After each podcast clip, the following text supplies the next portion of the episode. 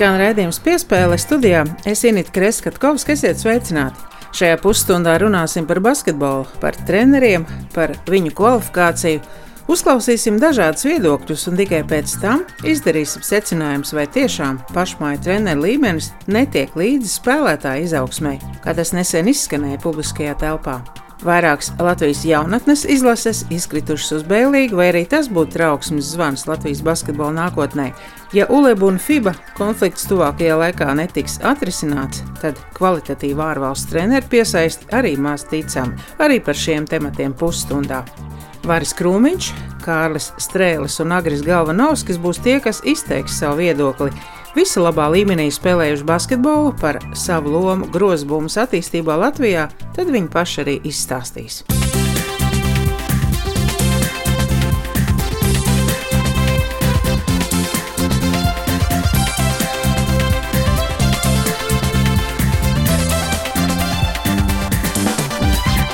Raidījumā saruna ar Vāri Krūmiņu un CV rakstīts, ka dzimis Naukšanos, basketbolists, treneris un politiķis Absolvējis Latvijas Valsts Fiziskās kultūras institūtu un augstākās sporta meistarības skolu un spēlējis basketbolu labā līmenī. To, ka spēlējis arī pat atceros, jo plus mīnus bijām jaunatnes izlasēs, un toreiz arī tas Baltijas kauss bija mūsu tā lielākā iespēja kaut kur izbraukt. Kas e, bija tava spēlētāja virsotne, jo noteikti es pieskaitāms pie tiem treneriem, kas bija arī labi līmeņa spēlētāji? Nu, man spēlētāja karjera sākās ar to, ka es aizgāju uz Rīgas augstāko sporta meistarības skolu. Bija visās Latvijas jauniešu izlasēs tajā laikā, kas var būt, un spēlēju tādā lielā pasākumā, kas bija visaugstākais tajā brīdī Baltijas kauss, kurā mēs arī spēlējām, tur pārstāvējām tajā brīdī Latvijas republiku. Ja. Nākošais man bija PSRS dublieru čempionāts, tur trīs gadus pēc kārtas mēs izcīnījām eh, bronzas medaļas PSRS dublieru čempionātā, startējot zem VF markas. Nu, tajā brīdī pēcreiz dublēju čempionāts, es uzskatu, bija stipri tādā pašā līmenī, kā tagad šobrīd ir Eiropas čempionāts. Ja tajā brīdī viņš būtu bijis, tad mēs tā kā Latvijas pārstāvētā komanda būtu visu laiku bijuši tur pirmajā astotniekā ar savām šīm trīs komandām. Nu, tad, protams, kas vienu sezonu aizcīnījos līdz lielai VF meistaru komandai, kuras bija pieteikumā nospēlēt 12 spēles PSRS augstākajā līgā tajā laikā. Cik nu punkts es sametu, es nezinu, bet izbraukāju vairākus tūrus kopā ar šo te VF meistaru komandu, tādiem spēlētājiem tajā laikā kopā kā Valds Valters, Andris Zvans, Vils Krīštopāns, Jūras Visotsks, Jūras Kalniņš, Dudarevs, ja, Zārovs, nu, viss tā komanda, kas skaitījās VF ziedu laiku, nu, es tajā brīdī biju jaunais spēlētājs, viņi jau visi bija pieredzējuši. Ja. Tad, pat cik es pie VF meistara komandas īsti sastāvā nenostiprinājos, tad es tiku izvērēts uz ASK meistara komandu, nospēlēju PSRS pirmajā līgā pie ASK. Dabūju daudz spēlēt un arī bija ļoti rezultatīvs un pirmā pieciniekā pat spēlē, bet tāda uh, slimība kā cūciņas man pārvilka, uh, principā strīd manai karjerai pāri. Un, un tad 83. gadā, kad es pabeidzu Latvijas valsts fiskultūras institūtu, tad man bija jāizšķirās vai nu spēlēt basketbolu vai iet strādāt. Nu, es izvēlējos iet strādāt, cik man jau bija ģimene un divi bērni, un bija jāuztur ģimene, es aizgāju strādāt. No tā brīža, no 83. gada, es visu savu dzīvi, principā, esmu strādājis par basketbola treneru dažādos līmeņos. Tu arī esi arī pirmā LBL visu zvaigžņu spēles treneru korpusu uzvarētājs metienos no laukuma centra. Nu, tas, man liekas, bija vispār pats, pats pirmais uh, treneru konkurss metienu no centra gulbenes zālē, kur pilnīgi bez jebkādām tādām emocijām no centra tika mests pa grozu un bumba ar actiem pret vairogu iekrist grozā. Un es uzvarēju šo te pirmo, pirmo treneru konkursu un nopelnīju tajā laikā simts lats. Tā bija pietiekoši liela nauda. Un tā jau nav vienīgā reize. Otru reizi arī 2011. gadā es treneru konkursu metienos vinnēju Jelgavā. Tagad es divkārtiešu čempionu. Tagad vadi Kandavas sporta skolu, es apmetis līkumus, vadot arī basketbola klubus ārzemēs, bet viens ieraksts no vēstures ir, manuprāt, ļoti būtisks. Ar pirmo jauniešu izlasi pēc neatkarības atgūšanas Eiropā izcīnījāt bronzu vecumā līdz 18 gadiem. Tas bija pirms 14 gadiem. Kas no tās komandas puišiem ir ticis tagad lielajā basketbolā? Un kā atceries to laiku? Jāsaka, ka es jau no 94. gada reāli trenēju daudz, daudz jauniešu izlases. Principā es katru vasaru strādāju ar kādu no jaunatnes izlasēm. Un, tad, kad es, ja mana komanda un mēs kopā izcīnījām šīs bronzas medaļas, man jau kā izlaša trenerim stāžs bija vairāk kā desmit gadus. Nemaz neskaitos pa jaunatnes līgu un par visu pārējo, tā kā man jau bija zinām pieredze. Katrā gadījumā arī bija stipri, stipri savādāk tā izspēles kārtība. Un es uzskatu, ka izspēles kārtība sākumā, lai iekļūtu Eiropas čempionāta fināla turnīrā, bija daudz, daudz grūtāk nekā un sarežģītāk nekā viņi ir tagad. Bet, nu, iedziļināties visās niansēs, tad mums jārunā kāda stunda apmēram. Gadu gaitā daudziem izciliem spēlētājiem bijusi dot iespēju sevi pārbaudīt izlases galvenā trenera amatā, ieskaitot arī jau līdzšinējo galveno treneru Robertu Štelmacheru. Ir taču tā, ka izciliem spēlētājiem avansā daudz kas tiek dots treneru karjeras uzsākšanai, nekā piemēram trenerim, kas beidz sports pedagoģijas akadēmiju, nevienam nepazīstams, pēc augstskolas absolvēšanas, kas sāk karjeru? Nu, es domāju, ka katram trenerim savā karjerā ir savs ceļš. Nu, teiksim tā, daudz izcilu spēlētāji ir kļuvuši arī par izciliem treneriem pieaugušo basketbolā. Bet, lai no pieaugušo basketbola ielikt jaunatnes basketbolā, mans uzskats tomēr ir tāds, ka Nu, ir jāizaudzina vismaz viena paudze, kā basketbolists saka, no D2 līdz A grupai jāsaprot jaunatnes basketbols, jaunatnes psiholoģija, lai varētu vadīt Latvijas jaunatnes izlasi. Kādreiz mēs tādi bijām visi. Aivo Alpersons, Esgu, Tenzels, jā, Jānis Rimbenieks vadīja tur izlases. Runāja par zēnu izlasēm, jā. Bijām iekšā šajā jaunas basketbolā, mēs zinājām perfekti visus spēlētājs paši tur spēlējām. Nu, tad vienā brīdī viss pagriezās ar gaisā, kad uh, izlases treneris reāli nozīmē basketbola savienību. Nu, un treneru komisija apstiprināja principā visu to, ko Basketbola savienība ieteica. Un tajā brīdī sākās tas, kad bijušie spēlētāji sāk trenēt Latvijas izlases bez jebkādas pieredzes jaunatnes basketbolā, ko es uzskatu, ka tas ir pilnīgi nepareizi. Labi, kas bijis, tas ir vēsture par to, kas būtu jādara, kā panākt, lai nākotnē būtu labāk, tā sakot, no kļūdām ir jāmācās. Jau savas domas sociālajos tīklos izteicis par mūsu basketbolistu neiekļūšanas iemesliem savām domām nekautrējos. Es jau Facebookā ierakstīju savas domas, un, un es esmu pārdomājis, ko es ierakstīju no saviem vārdiem. Protams, neatkāpjos, bet, nu, pārdomājot visu, man arī mazliet ir arī citas domas. Noskatoties visu spēli, kā saka, no pirmās līdz pēdējai minūtei, man radās tāds iespējas, ka treneris, godīgi sakot, šo spēli novadīja pilnīgi neatbilstoši tā, kā viņš to ir darījis visu savu mūžu. Cik es pazīstu Robeļu Spēlmacheru, tad viņam vienmēr ir bijusi sistēma, ir bijusi kārtība, viņam ir bijusi disciplīna, principā neraust spēlētājs uz priekšu atpakaļ.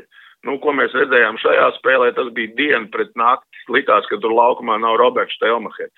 Protams, arī spēlētāji paši kā tādi vienmēr ir jāiet laukumā, jācīnās pa katru vietu, pa katru metru, pa katru bumbu. Un profesionāli jau var teikt, kā te viens bija teicis, tā bumba negribēja krist grozā, bet nu, viņa, viņa jau nevar gribēt vai negribēt. Viņa teikt, grozā ir jāiemet.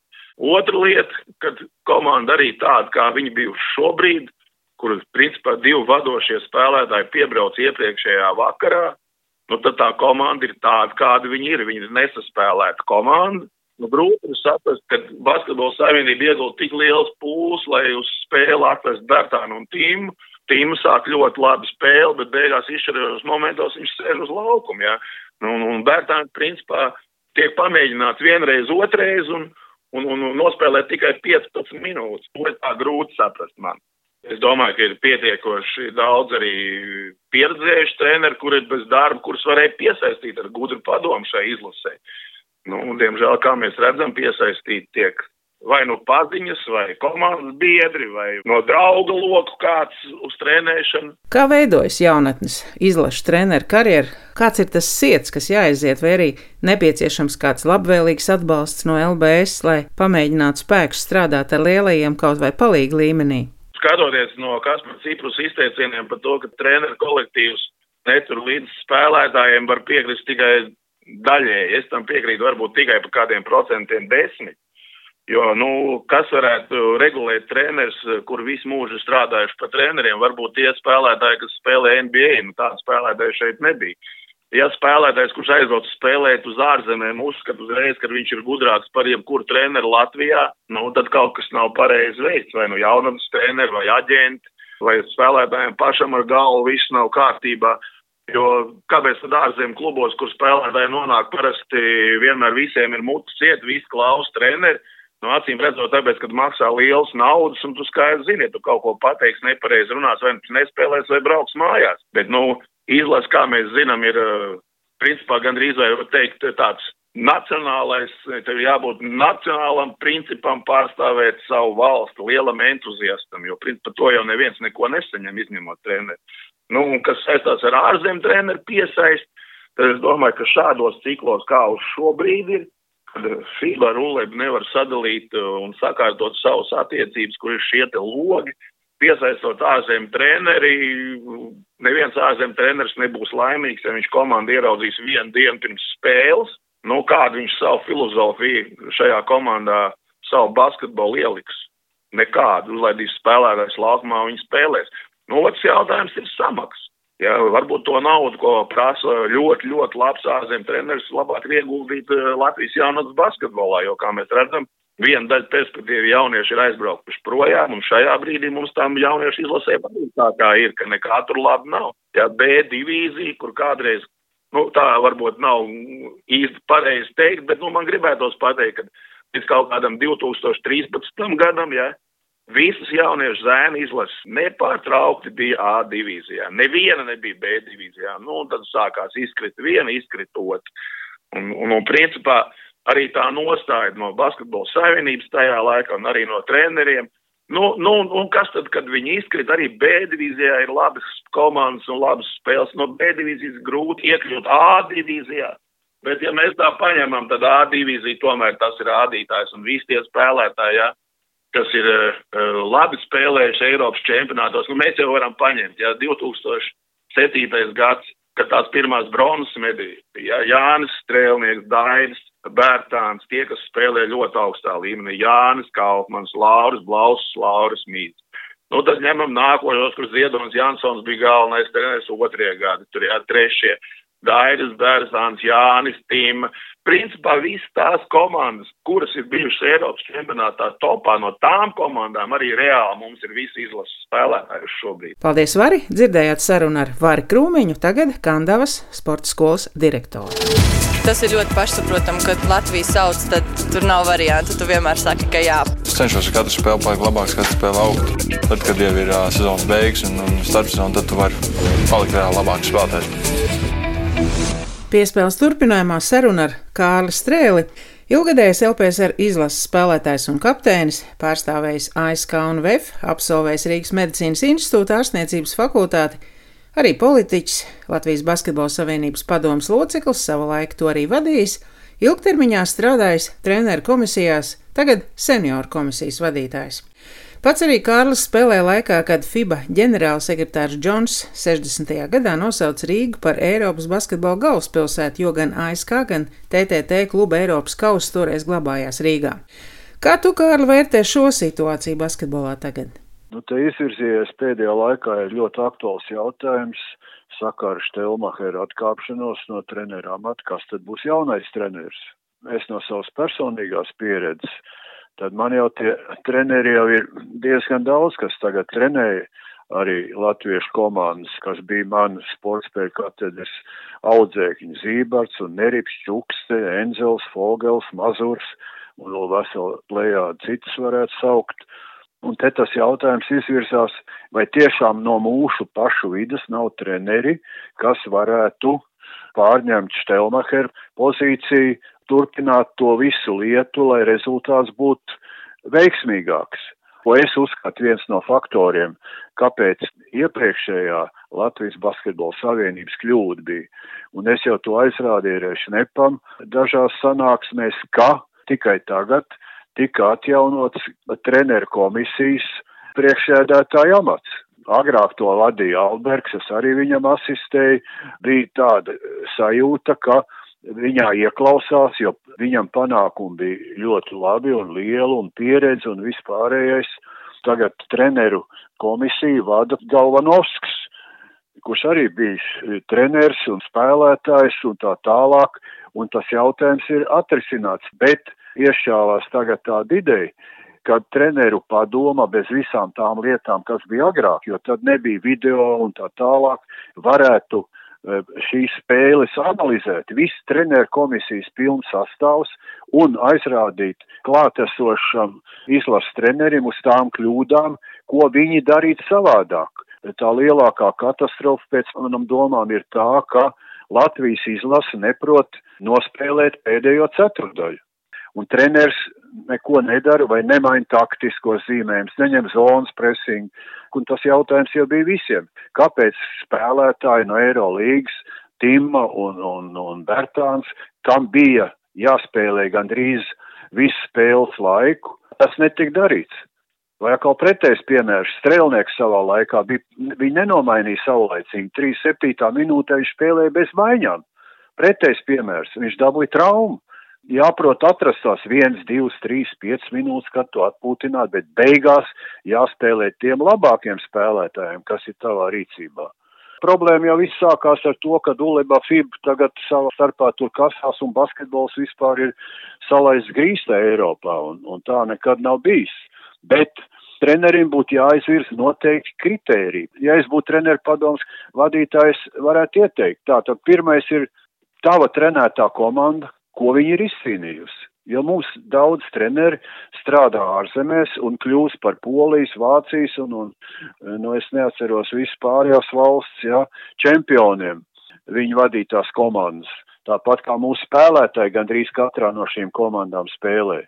No, man nostāja ir, ka mēs varam atrast savus trenerus. Šie treneri ir trenējuši jauniešus, kas ir tikuši līdz Eiropas čempionu medaļām, līdz kurienē nav tikusi Latvijas lielā izlase, un viņi viņus pazīst, viņi zina. Un vēl viens kritērijs, cik treneris jaunatnē, ja viņš ir strādājis, ir sagatavojis Latvijas izlases spēlētājs. Jā, ir jāredz jau intuitīvi iepriekš jājūt, ko jādara, kā jādara, vai tagad uzbļaut. Man patīk, ka Štelmekers nebļaustās, bet varbūt tā bija viņa kļūda. Skatos, ka mums jau beigās īpaši spēlētāji nemāk izmest autu, profesionāļi.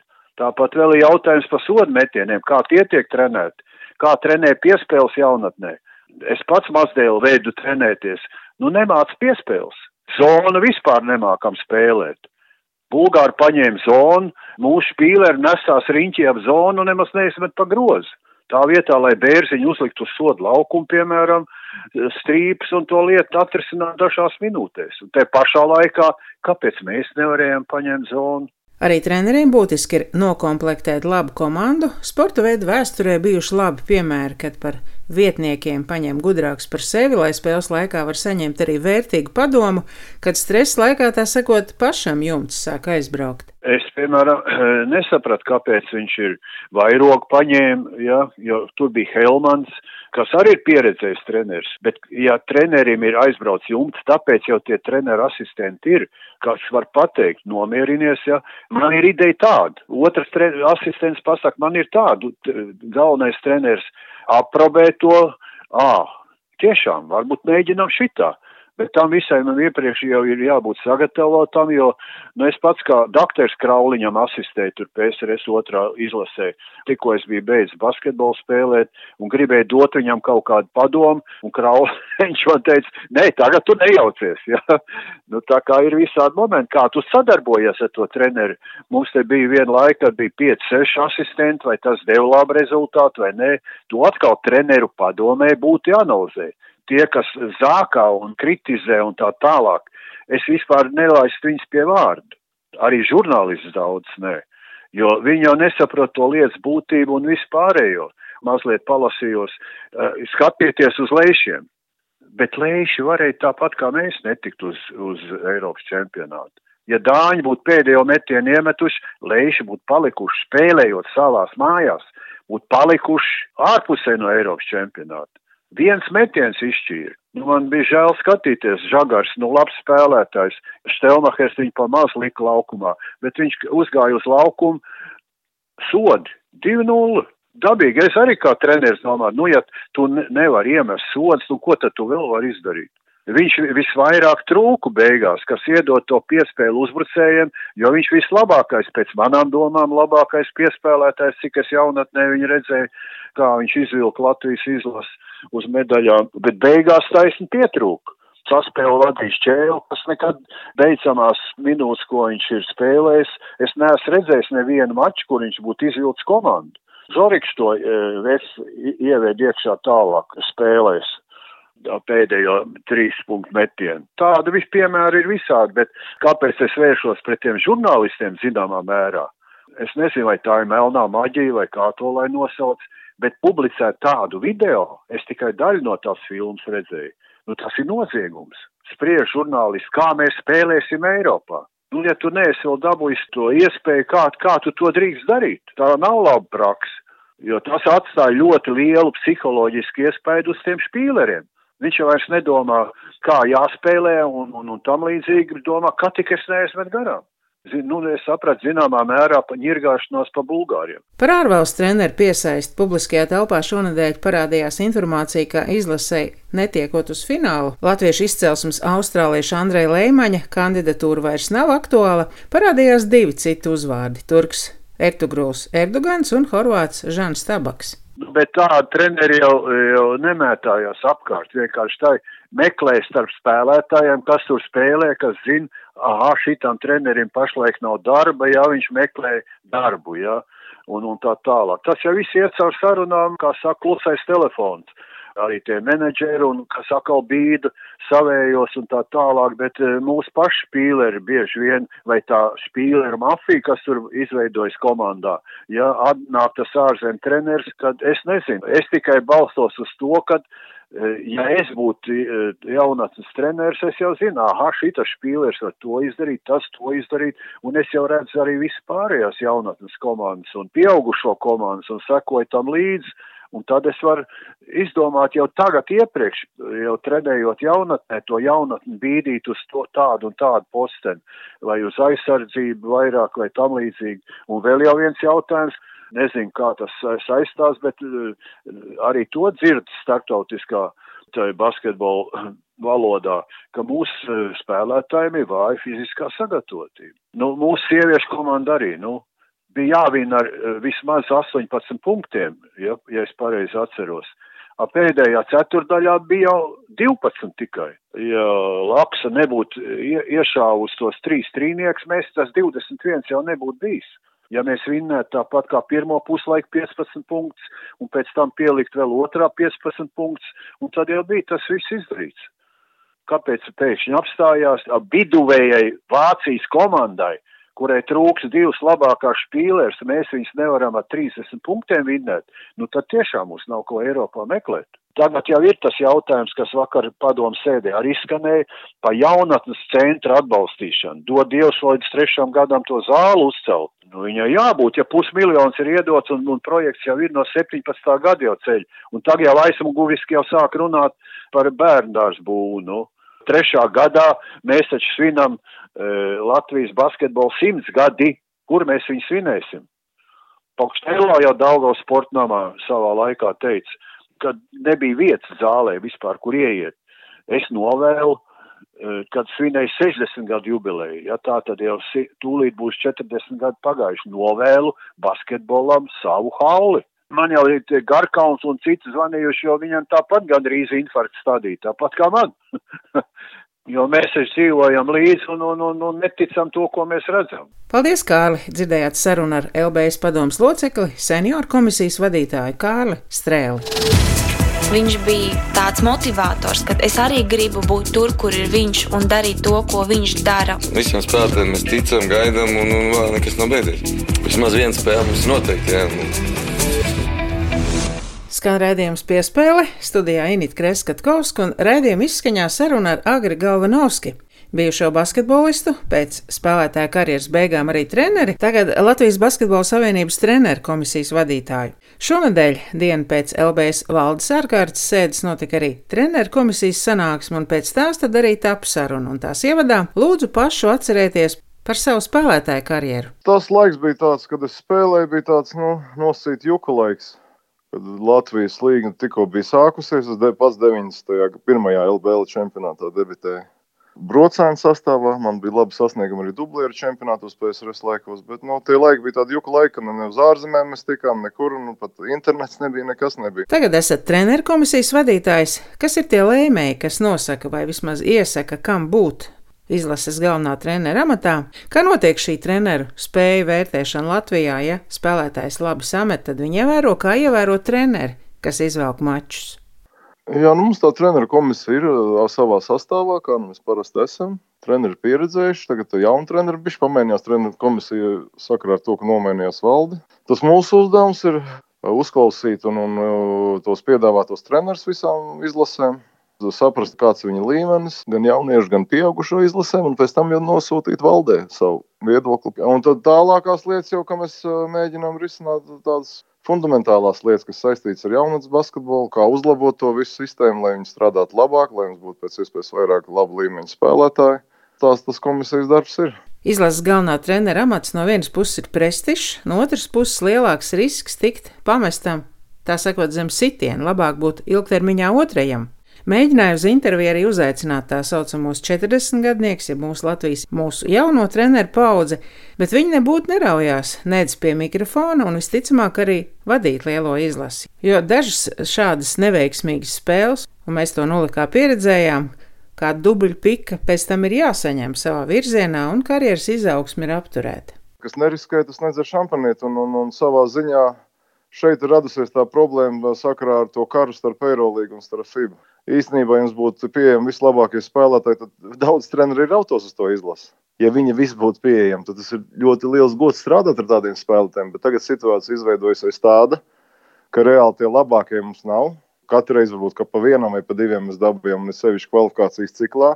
Un reāli mums ar otro sastāvu, kas mums nosacīta arī nav varbūt slikti spēlētāji, un ar Latvijas līmeņa spēlētājiem jāmēģina sasniegt Eiropas čempionāts vai pasaules čempionāts, un lai tiktu klātiem mūsu dūžiem. Tas tā tāds izaicinājums ir jā, tam pašam trenerim. Lai, bet, nu, redziet, sanāk tā, ka mēs tam trenerim savā ziņā ir ļoti grūti, tāpēc, ka viņš reāli ir pamest zem tā tanka, jo nav tie labākie spēlētāji, un jātiek galā ar tiem, kas ir. Un tāpēc tā situācija tāda ir, kā ir. Tāpēc es uzskatu, kā jūs teicāt, nu, tā dubļu pika ir un ar to jārēķinās. Pats esmu bijis galvenais treneris daudzās komandās. Nu, nu, tas treneru darbs tāds ir, kad būs zaudējumi, uzvaras, un par to tev būs jāatskaitās. Vai pat tev pat var atlaist, vai, ja tev labi panākumi, tu turpini darbu. Tā kā ar to ir jārēķinās. Skaidrs, ka katru reizi tās pirmās reizes grūtākās noteikti trenerim, man ar tā ir bijis. Bet, nu, pašam ir tāda darba, esam izvēlējušies, ir sevišķi augstākajā līmenī, un ar to ir jārēķinās, ka tā var būt.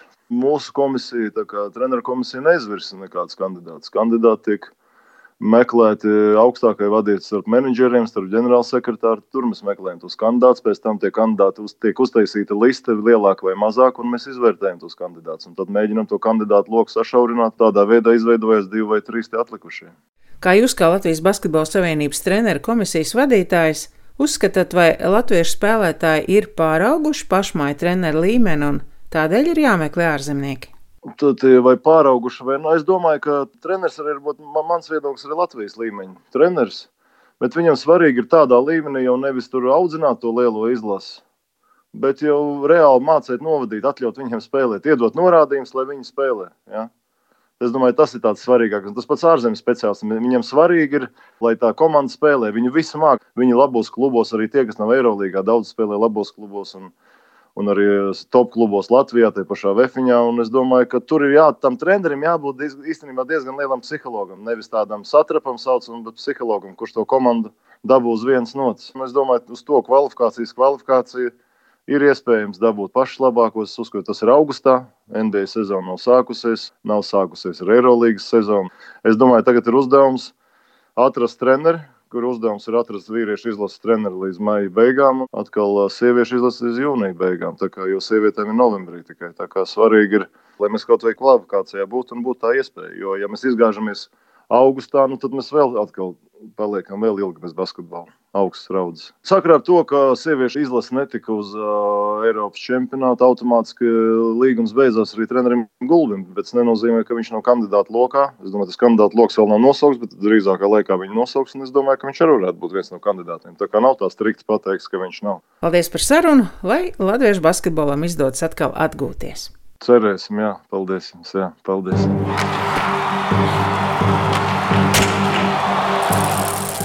Rēdījums piespēle izskan, dzirdējāt Vari Krūmiņu, Kāra Strēlu un Agri Galvanovski. Rēdījumu vadīja Esinita Kreskatkovska un skaņu operatore Nora Mitspata. Mēs sakām uz sagadēšanos.